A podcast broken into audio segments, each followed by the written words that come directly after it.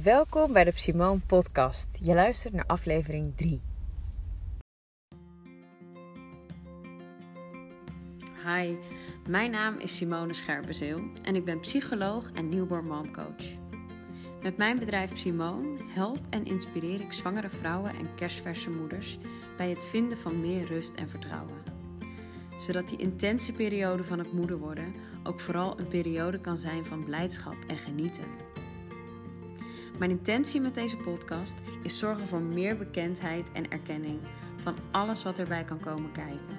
Van prille zwangerschap tot en met het eerste jaar na de geboorte.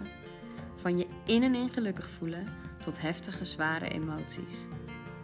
Ik hoop je te inspireren en handvatten te geven, zo dicht mogelijk bij jezelf te blijven in deze bijzondere ontwikkeling die je doormaakt.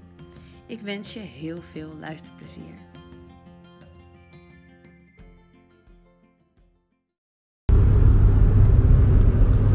Zo, daar ben ik weer voor de derde podcastaflevering uit mijn hoofd. Ik had een paar dagen geleden een post op Instagram gemaakt van zal ik de volgende aflevering een meditatie opnemen. En daar werd geloof ik met 88% uh, eh, voor ja gestemd. Dus de afgelopen dagen dacht ik, ik moet een meditatiepodcast opnemen. En het gekke is, of dat is helemaal niet gek, maar wanneer ik uh, dat voel en dat denk, dan komt die inspiratie voor zo'n meditatie niet. En wanneer ik dat niet denk, wanneer ik helemaal niks hoef, dan stroomt het. Dan, dan komt de een naar de ander eruit. Dus ook vanmorgen, dinsdag is altijd het weekend gehad. Maandag ben ik met Kiki. En dinsdag is dan de dag dat ik echt lekker weer even wat dingen kan doen. Ik dacht, vandaag ga ik die meditatie opnemen. Maar het werkte voor geen meter. Ik, kwam, ik had vanochtend uh, Kiki weggebracht naar oma. Ik kwam thuis en ik dacht: Zo, wat ga ik doen vandaag? Laat ik eens een to-do maken. En ik blokkeerde en ik had allemaal onrust aan alle kanten. En dat ging door me heen. Ja, mediteren. Dat is nu goed. Even de boel de boel laten. Even voelen wat speelt er nou eigenlijk? Waar komt die onrust vandaan? En nou, ik zat laatst ook weer naar een andere podcast van iemand anders te luisteren. Aanrader trouwens, die heet Helemaal naar de meditering. dat is een interview met, uh, van Thijs Lindhout in de 100% Inspiratie podcast. Met wie weet ik even niet, maar dat kan ik wel voor je opzoeken als je dat interessant vindt. En anders gewoon even zelf naar zijn uh, podcast gaan. Het is de laatste of de ene laatste die hij heeft opgenomen. En daarin zegt die gast ook, die hij interviewt van, weet je, ik heb nooit zin om te mediteren. Maar daarna voel ik me altijd beter. En dat zinnetje zat in mijn hoofd. Dus ik dacht, weet je wat, ik ga gewoon zitten. Ik ga niet streven naar hoe ik me daarna wil voelen. Ik ga vijf minuten gewoon even letterlijk zitten met wat er is. En als ik me dan onrustig voel of irriteer, dan doe ik dat maar vijf minuten. Maar kennelijk wil dat even de ruimte. Dus ik deed dat. Ik ging zitten en ik uh, ik heb dan wel echt even nog een muziekje daaronder nodig. Dus ik ging naar Spotify, tikte in meditation music of zoiets. En er kwam een, een, een um, geleide meditatie naar voren als eerste. En dat was een meditatie op angst en omgaan met overwhelmed. Je overwhelmed voelen. En ik dacht, hmm, die komt ook niet voor niks. Maar voel ik me dan angstig? Ja, ik voel me angstig. Want ik, ik moet van alles van mezelf en ik ben bang dat het niet lukt. Dus ja, dat is ook een vorm van angst. Laat ik dit maar doen. En eigenlijk was ik tijdens die meditatie nog best wel bezig met dat er dan iets moest gebeuren bij mij. Dat ik me heel rustig moest gaan voelen. Dat er emoties moesten komen of wat dan ook. En die komen dan natuurlijk niet. maar goed, ik was wel even gedurende die meditatie gefocust op mijn ademhaling. Ook al schoot ik af en toe in mijn gedachten. Ik kwam ook echt af en toe weer terug bij mijn lichaam. En na die, nou, ik denk 10 minuten, uh, legde ik mijn telefoon weer aan de kant. En uh, was ik echt wel een stuk rustiger geworden. Gewoon het feit dat je even bewust naar je lichaam gaat en uit je hoofd gaat, dat helpt al. Ik uh, had even contact met mijn broertje. Daar stuur ik altijd heel veel spraakberichten mee heen en weer. En in een van die spraakberichten zei ik iets wat ineens bij mij heel veel emotie losmaakte. En dat was natuurlijk het resultaat van die meditatie. Want um, doordat ik even had gezeten. Op dat moment moest het van mezelf een soort van loskomen, kwam het niet. Maar er waren wel degelijk emoties omhoog gekomen, kennelijk. Spanning, onrust. En dat kwam eruit toen ik met mijn broertje in gesprek was. Super fijn. Dus zonder dat ik het zelf had bedacht, op wat voor manier, was ik daarna wel een stukje van mijn spanning en mijn emotie kwijt.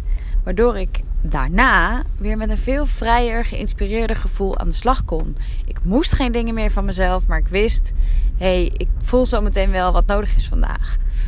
En zo schreef ik een post um, op Instagram over um, dat ik mijn. Oh, ik rij hier op een soort parkeerterrein met allemaal hele grote hobbels. Ik weet niet of jullie mijn sleutels heel hard horen rammelen in mijn contact van mijn auto. Maar dat uh, stopt zo. En um, waar was ik? Oh ja, ik schreef een post over dat ik de deuren een tijdje ga sluiten van mijn traject. Um, dat had ik ook van het weekend. Dat ik dacht, ja, um, ik heb natuurlijk een drie maanden traject. Maar als ik straks met verlof ben, dat is per eind juli of augustus, zoiets. Dan kan ik niet tot juni nog trajecten gaan starten. Dat had ik niet gisteren van het weekend ineens bedacht. Dat had ik al eerder gerealiseerd. Maar dan moet ik dat wel ergens melden. En ergens voelt dat dan heel. Ik heb er allerlei overtuigingen en belemmeringen op. Omdat ik dan denk, ja, dan ga ik echt zo posten van ja, de deuren gaan dicht. En dan gaan mensen denken dat het een of andere verkooptechniek is. En zo wil ik helemaal niet zijn. Nou ja, is natuurlijk allemaal dikke onzin. Althans, er zijn wel van dat soort verkooptechnieken. Maar dat was helemaal niet mijn intentie. Mijn intentie was echt. Uh, en die voelde ik dus heel sterk door het schrijven van die post. Maar ik wil echt moeders, ik wil echt vrouwen helpen. Op dit stuk. Op het omgaan met emoties. Om het weer uh, om die rust weer te vinden. Ook de dingen waar ik zelf ook mezelf in ontwikkel. Wat ik zelf ook voel. Daar wil ik andere vrouwen ook bij helpen. En dat is niet alleen maar een stukje eigen ervaring wat ik daarin meeneem. Daarin neem ik ook mijn kennis en mijn deskundigheid mee. Maar vooral mijn gevoel wat ik daarin stop. En dat dat ook is waarom ik andere vrouwen ook echt goed kan helpen daarmee. En de vrouwen met wie ik heb gewerkt ook altijd super dankbaar zijn daarvoor. Dat mag ik ook delen dat, dat daar binnenkort de deuren voor gaan sluiten. Dat dat niet een of andere verkooptechniek is, maar dat het ook gewoon een stukje bieden, aanbieden is van iets wat anderen heel goed kunnen gebruiken. En dat ik daarbij zeg van joh, als je dat wilt, is wel slim om dat voor half mei te boeken, want daarna stopt het. Is eigenlijk ook gewoon echt vanuit een hele liefdevolle plek. Want daarna kan het ook echt even niet meer. Dus waarom zou ik dat mensen onthouden door dat niet te noemen? En ineens voelde ik me zo dankbaar dat dit werk, dat ik dit mag doen, dat ik hier zoveel energie van krijg, zoveel energie in stop. En dat ik eens mag ophouden met de hele tijd maar mezelf schuldig voelen als ik ook maar een vorm van nou ja, marketing of geld vragen. Of, dat is echt iets wat bij mij zo diep zit. Ik, ik vind het zo tof wat ik doe dat ik ergens denk, ja, maar daar mag ik dan toch geen geld mee verdienen. Daar moet ik dan toch niet reclame voor maken. Maar ja, eigenlijk is het gewoon zonde als ik het niet zou doen. Want het is gewoon zo waardevol. En um, datgene wat er bij mij vanmorgen gebeurde. Dat ik die onrustige emoties heb, in welke vorm dan ook. Dat ik een weg weet om die er even te laten zijn. En vervolgens in de hele situatie niks verandert, maar in mijn gevoelsbeleving zoveel verandert. Dat is ook echt wat ik, waar ik met jou in een traject aan zou werken. Want dat is wat, waar de vrouwen aan werken, met wie ik de sessies doe, de trajecten doe.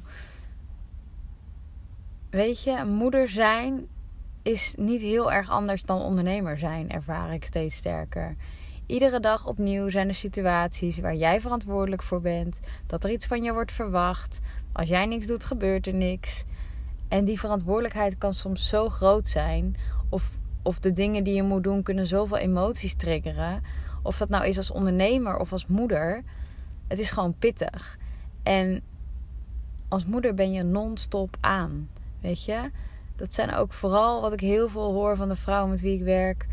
Je staat altijd aan. En als je even moe bent of verdrietig of boos, je moet er wel zijn voor je kind. En wat is dan een manier om toch bij jezelf te komen? Om toch jezelf even die ruimte te geven, om te voelen wat je voelt, om even op te laden, zodat je vanaf die plek ook weer kunt geven. Hetgeen waar ik ook over schreef in mijn post. Weet je? En dat is soms niet dagenlang ineens alle tijd voor jezelf hebben. Want dat, ja, misschien als je de luxe hebt financieel en de oppas en alles, dat je dat soms wel even kunt doen. Maar daar zit het hem niet in. Vanmorgen zat het hem bij mij in 10 minuten. Even voor mezelf, even zitten. En dat klinkt nu als een soort luxe. En dat is het uiteindelijk natuurlijk ook. Maar het was echt niet leuk. Want er kwamen allerlei nare dingen omhoog. Maar dat kunnen voelen, daar niet voor weglopen, dat er laten zijn. En vervolgens vanuit een nieuwe energie weer doorgaan. Dat maakt dat je het moederschap ja, volhoudt, wilde ik zeggen. Maar ik wil helemaal niet over volhouden spreken. Dat maakt het moederschap zoveel mooier.